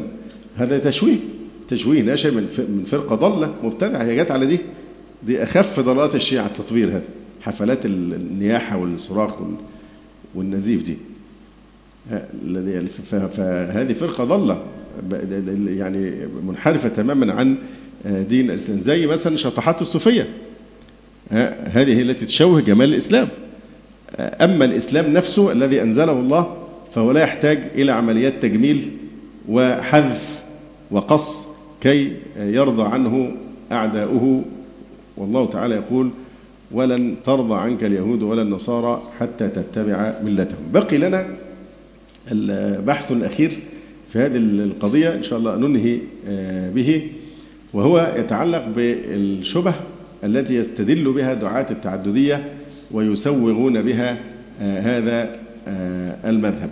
هو أسوأ ما في هذا الأمر في موضوع التعددية هو محاولة ودي أخطر طريقة يعني شيء بيحدث محاولة تسويغ التعددية بنصوص إسلامية. محاولة إسباغ ثوب شرعي على التعددية بحيث تبقى مبدأ إسلامي. هي دي أسوأ ما في الموضوع وأخطر ما فيه. لأن هذا يلبس على الناس لما يقول له قال الله تعالى قال الله تعالى فمن شاء فليؤمن ومن شاء فليكفر. مش دي آيات؟ فأول شبهة يستدل بها دعاة التعددية أنهم يستدلون بالواقع وبالإرادة الإلهية الكونية القدرية. يعني باختصار شديد بيقولوا كده. بما أن إذن بما أن الله تعالى قدر وقوع التعدد بين الناس في أديانهم وعقائدهم إذن الله يرضاه ويقره فيجب التسليم له. دي خلاصة الشبهة. بما أنهم بما أن الله قدر وقوع التعدد واختلاف الناس في العقائد والأديان إذا الله يرضى هذا التعدد ويقره فيجب أن نسلم به ونقبله. يقول الدكتور محمد سليم العوى والناظر في مسألة التعددية يلحظ أول ما يلحظ معناه. وهنا بيجمل فكرة التعددية. يقول الجميل والجذاب في فكرة التعددية المعنى الرائع الجميل اللي ورا كلمة التعددية. إيه هو بقى؟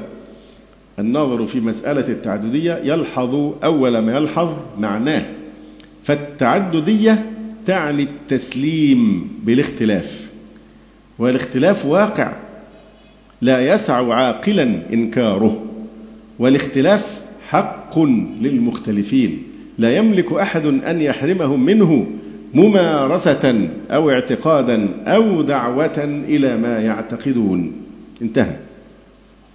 أما جمال البنا فيقول واستبعد القرآن أن يكون الناس أمة واحدة.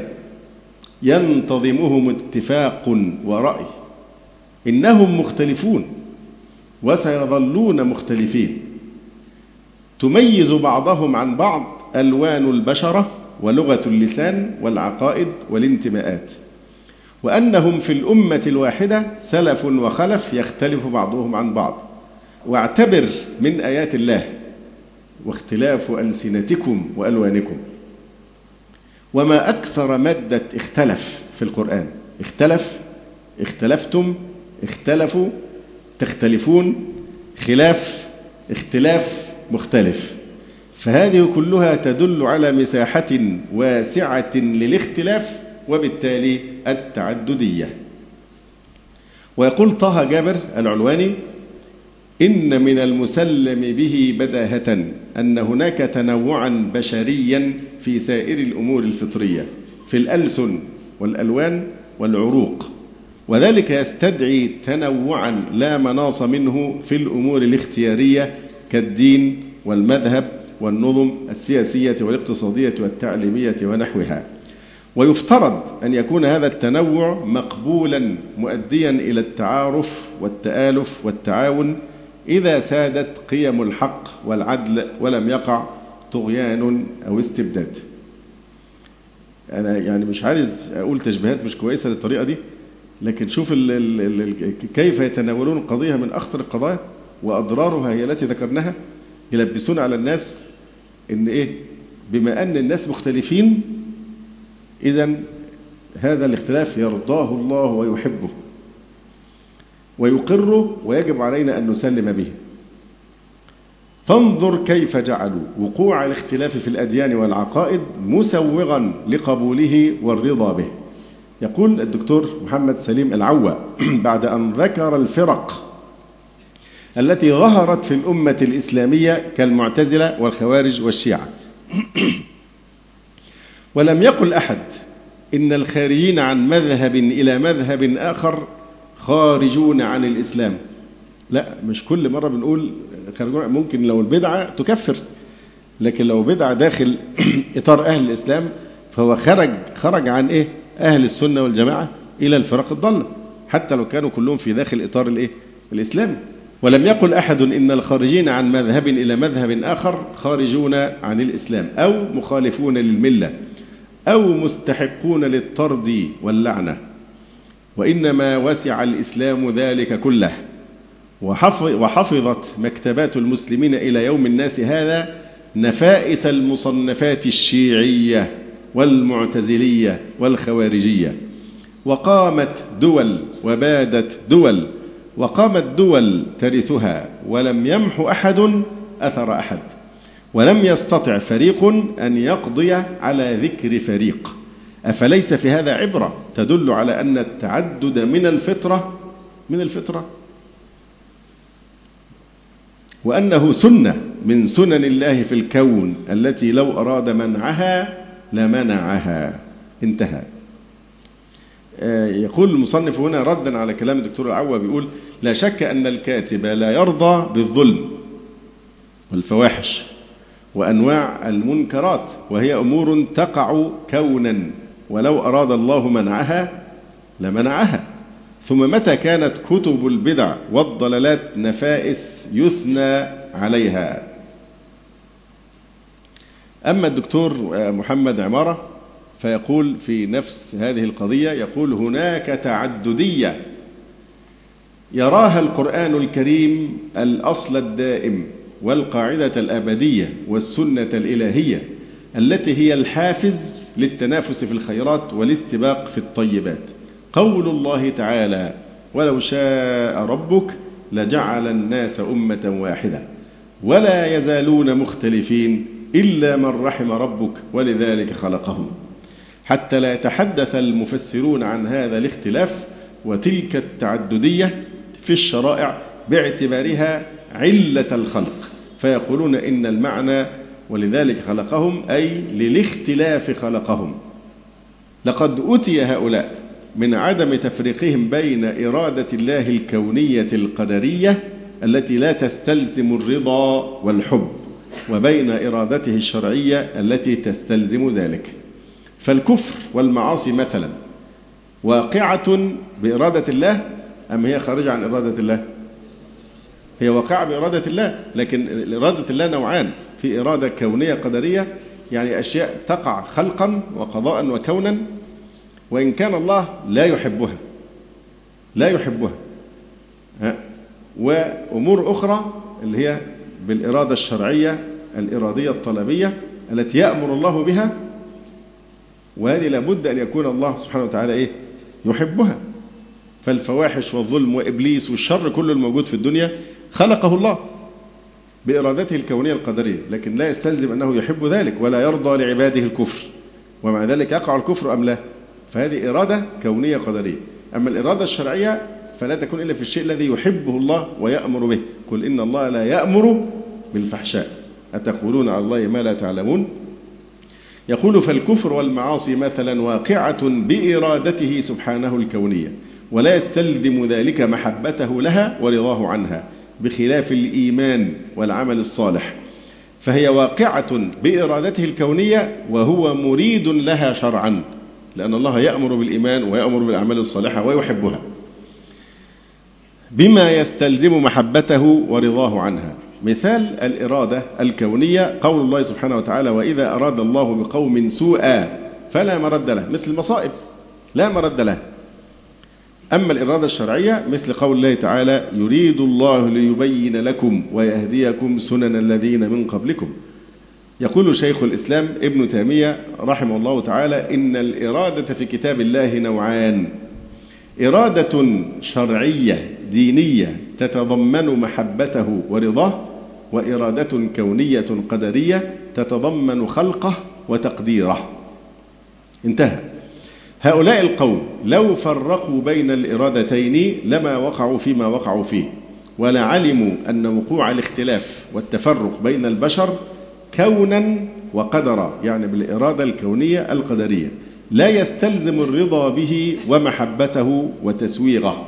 بل هو مما يبغضه الله تعالى ويأمر عباده بإنكاره وعدم الوقوع فيه. وقول الله سبحانه وتعالى ولو شاء ربك لجعل الناس أمة واحدة ولا يزالون مختلفين إلا من رحم ربك ولذلك خلقهم. أي قدر بإرادته الكونية ألا يقصر الناس على الإيمان قصرا بل جعل لهم مشيئة وإرادة ليكون الناس بعد ذلك فريقين فريقا للاختلاف وفريقا للرحمة. وهذا ما عناه بعض المفسرين عندما قال وللاختلاف خلقهم. يعني خلقكم فريقين فريقا هدى وفريقا حق عليهم الضلالة فريق في الجنة وفريق في السعير. نفس الشيء هنا فريق خلقه ليرحمه وفريق خلقه لإيه؟ للاختلاف. ده معنى كلمة بعض المفسرين إيه؟ ولذلك خلقهم للاختلاف خلقهم. وليس معناها كما يظن هؤلاء أن الله أذن لهم بالاختلاف ورضيه. قال الإمام إمام المفسرين ابن جرير الطبري رحمه الله تعالى إن الله جل ذكره ذكر صنفين من خلقه. أحدهما أهل اختلاف وباطل والآخر أهل حق. ثم عقب ذلك بقوله ولذلك خلقه. فكلمة خلقهم عامة فعم بقوله ولذلك خلقهم صفة الصنفين. فأخبر عن كل فريق منهما أنه ميسر لما خلق له. ف ولو شاء ربك لجعل الناس أمة واحدة ولا يزالون مختلفين إلا من رحم ربه. ولذلك خلقهم يعني ينقسم إلى أهل الرحمة وأهل الاختلاف. فإن قال قائل فإن كان تأويل ذلك كما ذكرت فقد ينبغي أن يكون المختلفون غير ملومين على اختلافهم. إذا إذ كان لذلك خلقهم ربهم وأن يكون الممتنعون هم الملومين. قيل إن معنى ذلك بخلاف ما إليه ذهبت وإنما معنى الكلام ولا يزال الناس مختلفين بالباطل من أديانهم ومللهم إلا من رحم ربك فهداه للحق. ولعلمه وعلى علمه النافذ فيهم قبل أن يخلقهم أنه يكون فيهم المؤمن والكافر والشقي والسعيد. وبذلك يظهر لنا أن وقوع الاختلاف بين الناس في عقائدهم لا يسوغ لنا قبول التعددية العقائدية فمن كفر فهو كافر ومن ضل من المسلمين فقد ضل ثم نتعايش مع كل طبقا لأحكام الشرع المطهر.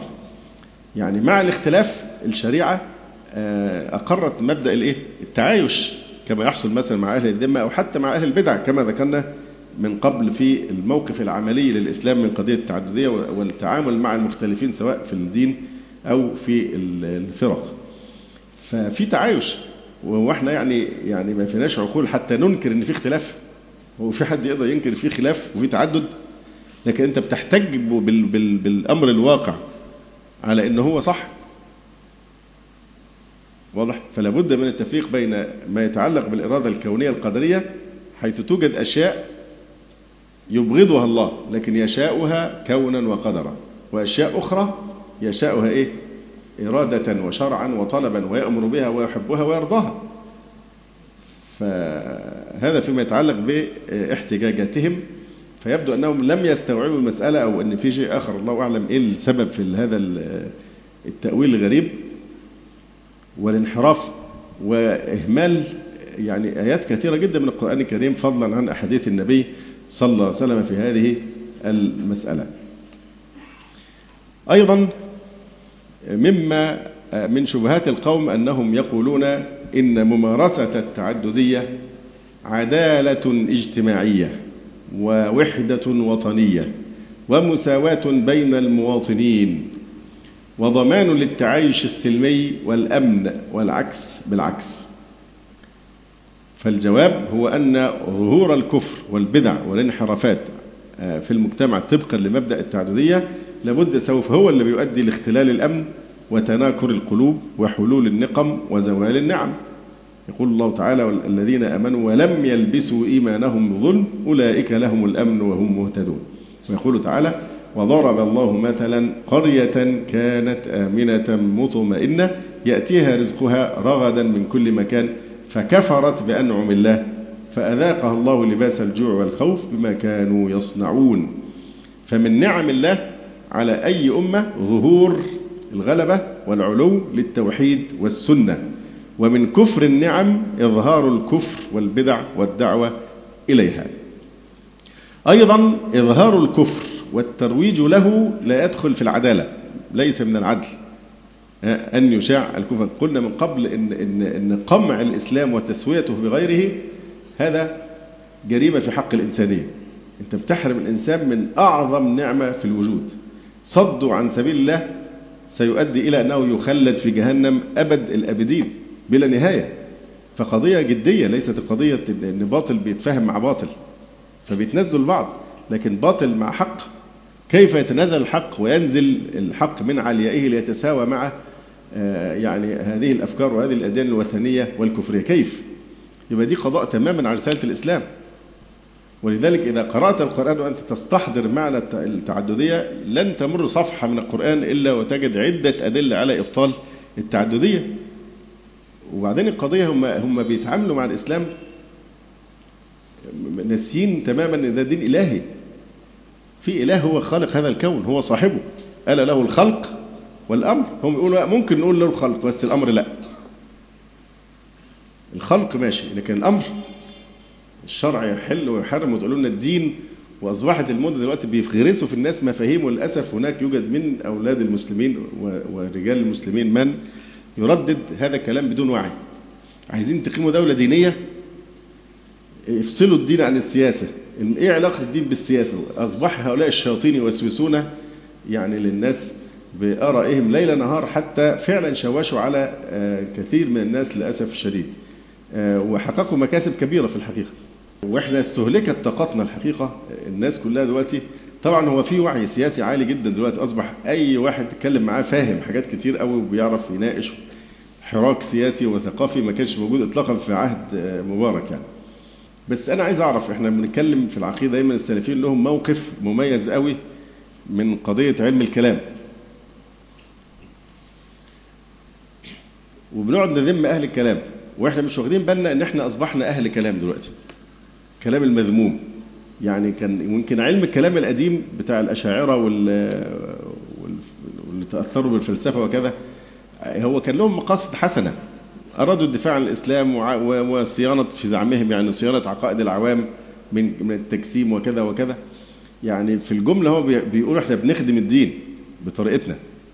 ومنهج السلف أعلم ومنهج الخلف أحكم وأسلم إلى آخره. فبرضه كان لها يعني إيه؟ ممكن إخراج جيد يعني يقنع بعض الناس. لكن الكلام اللي إحنا غرقانين في ده ده كفر بواحد. يعني الإخوة أو مش الإخوة بس المجتمع كله أصبح في حالة إدمان لعلم الكلام الجديد. مش هما بيسموها توك شوز توك يعني كلام مكلمة. كل الناس بتتكلم وبالذات بقى حديث المصاطب بتاع الأخ عكاشة خطيب المصاطب. وأمثاله. يعني ما نريد أن نخوض في هذا لكن يعني وإذا رأيت الذين يخوضون في آياتنا فأعرض عنهم حتى يخوضوا في حديث غير. ممكن بعض الناس المتخصصين الذين يقومون برصد هذه الانحرافات الإعلامية والتصدي لها هذا نوع من الجهاد. لكن نحن نستهلك استهلاكا كاملا في هذه البرامج هنلاقيها من الإعلام الفضائي ولا من الجرائد والمجلات ولا من الحوارات. أنا كنت في راكب المترو في القاهرة من يومين. الناس صفين كده في الكراسي. يعني كادوا يقوموا يمزقوا ملابس بعض. كبار في السن معظمهم. من الايه؟ الاختلاف في قضايا سياسية ومجلس الشعب والحل. كله دلوقتي ما تقولش الدستور ده حاجة نازلة كده من السماء ده أنتم ما باحترام عن القرآن الكريم كما تتكلمون عن اللجنة الدستورية العليا. هو ما ربنا اعلى من اللجنة بتاعتكم دي. وانتوا دلوقتي كلكم خلاص بقيتوا النزاهة يعني والإنصاف والقضاء النزيه النزيه اللي كان بيزور بنفس الأسماء الانتخابات لحسن مبارك. شفتوا أنا كمان دخلت في الكلام أهو. فالمفروض إحنا داخلين على رمضان.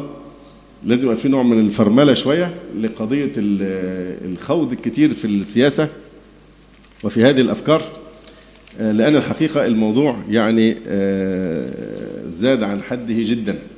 والناس استهلكت طاقتها حتى شغلوا عن القرآن وشغلوا عن العلم وشغلوا عن الذكر. فهذا فيما يتعلق بالموضوع إن التعددية عدالة اجتماعية ووحدة وطنية ومساواه بين المواطنين. كل المنهب ده بيقول لك المواطنة المواطنة المواطنة صدعتونا بالمواطنة. هم الإخوان المسلمين مواطنين ولا ناس مستوردين من خارج؟ لما حزب الحرية والعدالة بالأغلبية حاز يعني إيه نصرا معينا. اشمعنى؟ ما بتتكلموا إن هم دول مش مواطنين. دول كده غزو أجنبي غزو فضائي كائنات فضائية غريبة نزلت على الأرض وبتحاول تكوش. على أي الأحوال فيما يتعلق بقضيه إن ده عدل ان التعدديه دي عدل لا مش عدل. ليس هذا عدل إن الله يأمر بالعدل والإحسان. عدل التوحيد عدل. إن الشرك لظلم عظيم. فإظهار الكفر والترويج له إساءة للناس وظلم لهم وليس من العدل. إن الشرك لظلم عظيم. لأن هتشوش على الناس الحق ما في خط فاصل بين ما ينجي من النار ويدخل الجنة وبين عكسه. لكن العدل إيه؟ أن نعاملهم بعدل أن نعطيهم حقوقهم ولا نبخسهم. لا نكلفهم فوق طاقتهم. أن نحترم الشريعة التي أمرتنا باحترام يعني عقودنا معهم فهذا العدل هو الذي يستل سخائم النفوس ويدفع شر هؤلاء. أيضا قلاقل الأقليات أصحاب العقائد المخالفة شر وبلاء. لكن شؤم التعددية أعظم شرا وأفسد عاقبة على الدين والدنيا. من الشبه التي يتذرع بها هؤلاء الناس استدلالهم ببعض الآيات القرآنية بعد تحريف معانيها. فيستدلون بآيات قرآنية للأسف الشديد على عكس ما وردت الآيات لتبينه. مثلا يستدلون بقول الله تعالى لا إكراه في الدين. إن التعددية دي دليل إنها شيء مشروع إن لا إكراه في الدين. فيقول مثلا جمال البنا وهو بقى بينتصر لفكرة التعددية وبيجيب لها الأدلة من القرآن الكريم فبيقول تقرير مبدأ حرية الاعتقاد.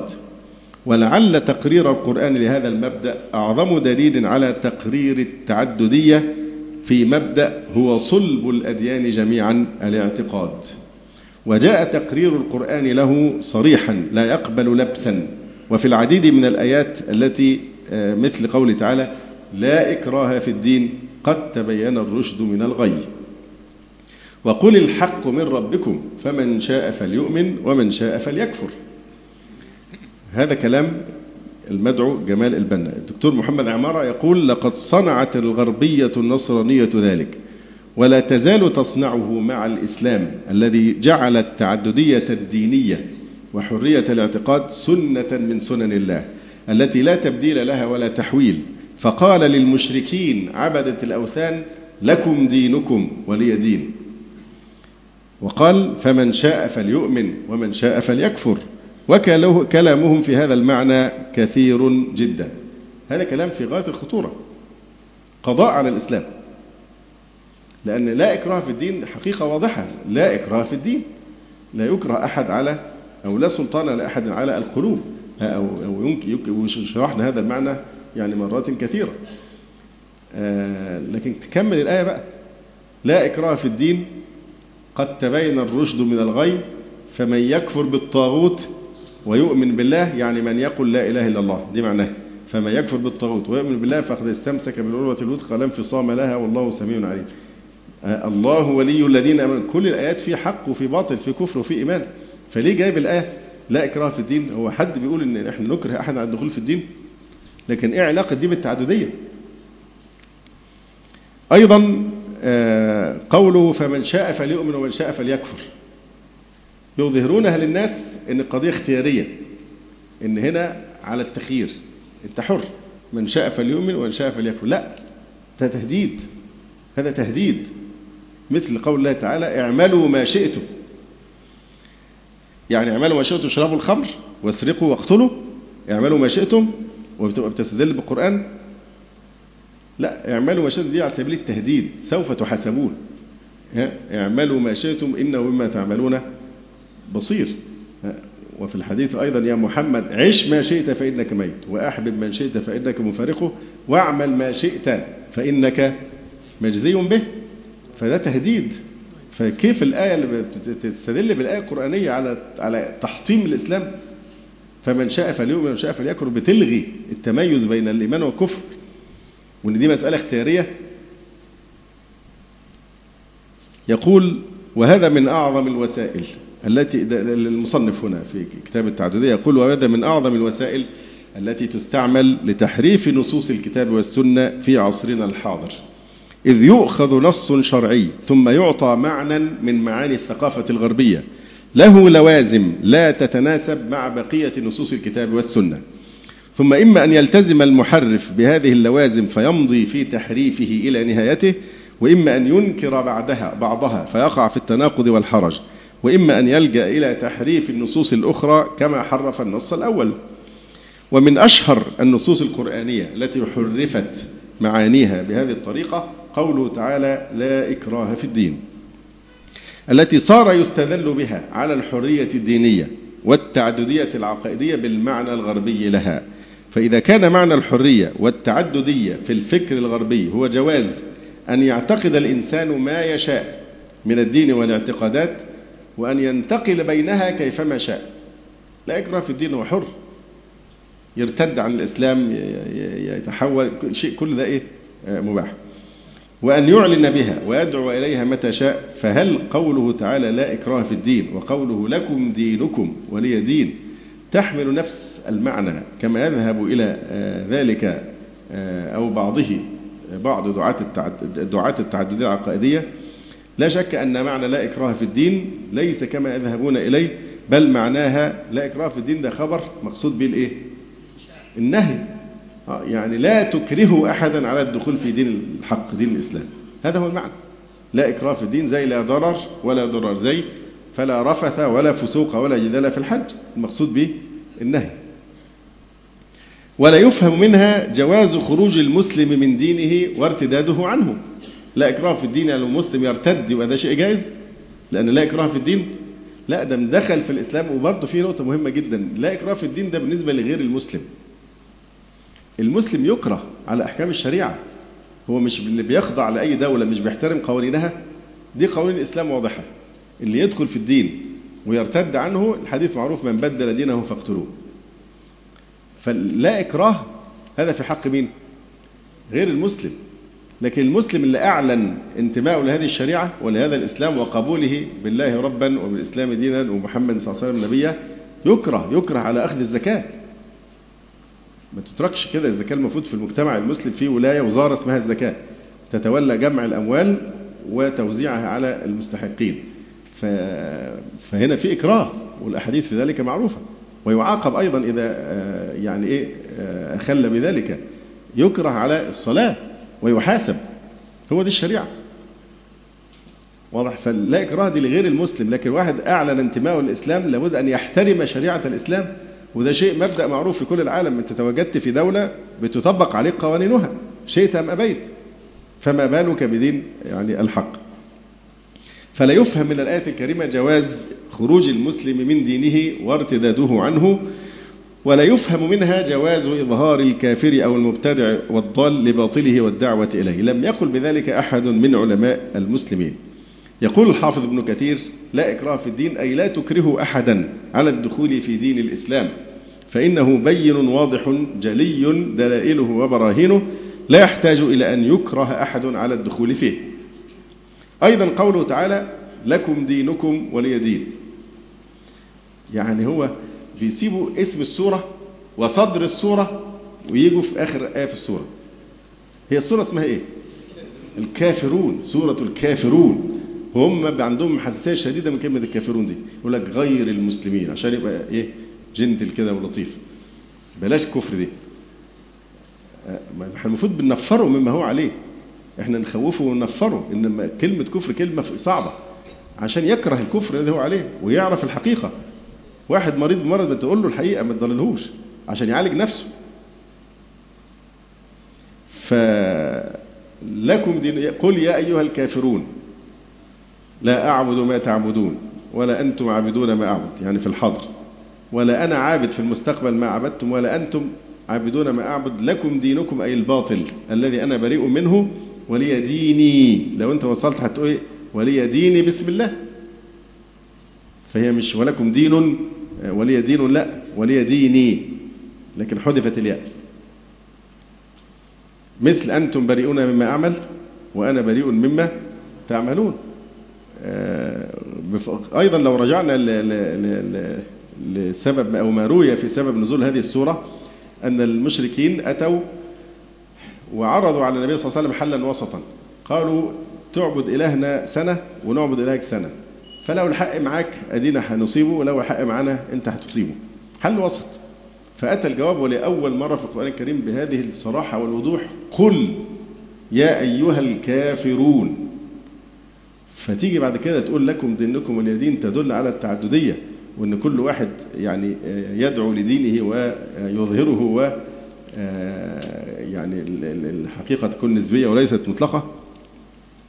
فليس فيقول شيخ الإسلام ابن تيمية رحمه الله تعالى لكم دينكم ولي دين اللام في لغة العرب تدل على الاختصاص فأنتم مختصون بدينكم لا أشرككم فيه وأنا مختص بديني لا تشركونني فيه.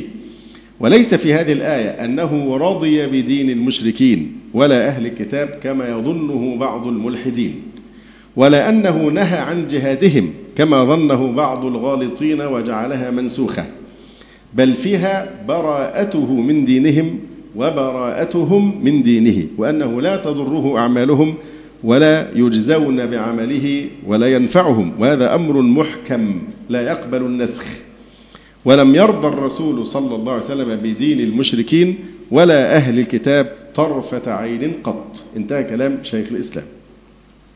أما قوله تعالى وقل الحق من ربكم فمن شاء فليؤمن ومن شاء فليكفر وأمثالها من الآيات. فليست للتخيير المجرد الذي لا لوم عليه كما قد يفهمه بعض الضالين وإنما جاءت في سياق التهديد والوعيد لمن شاء أن يكفر. ولهذا ختمها بقوله إنا أعتدنا للظالمين نارا أحاط بهم سرادقها وإن يستغيثوا يغاثوا بماء كالمهل يشوي الوجوه. فطبعا يبقى منين بقى التخيير. ده فيه هنا إيه؟ ده تهديد.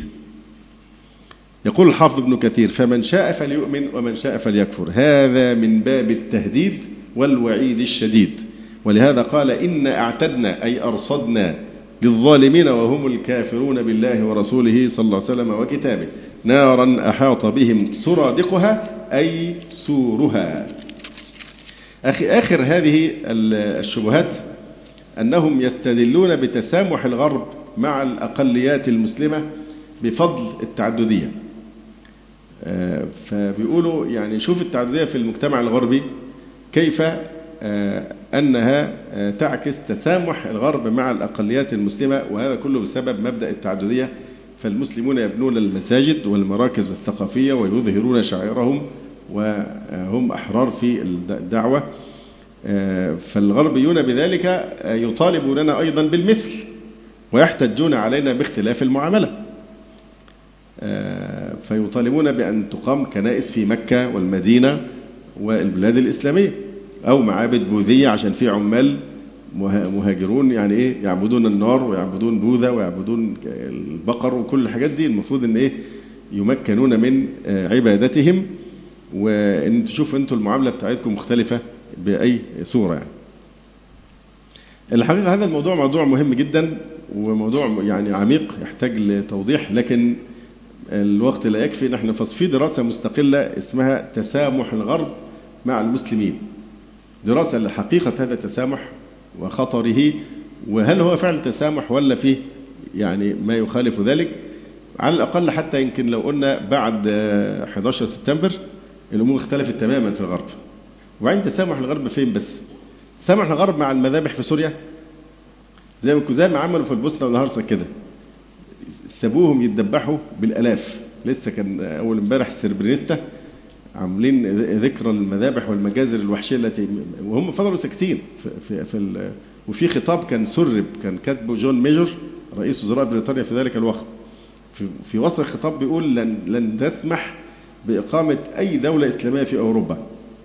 ومن ثم يعني سيبوهم يتذبحوا لحد ما خلصوا على المسلمين خالص في مجازر من ابشع من أبشع من أيام الأندلس. وبعد ذلك دخل الناتو آه، ويعني إيه بالتمثيليات بتاعته. وفي الآخر يقول لك ناخدهم بقى محاكم الحرب عشان عملية تجميل لهذا الوجه القبيح. فهو التسامح طب هو إحنا تسامح وحسن مبارك مين اللي كان مسلطه علينا؟ مين اللي كان بيشجع التوريث؟ مش أمريكا؟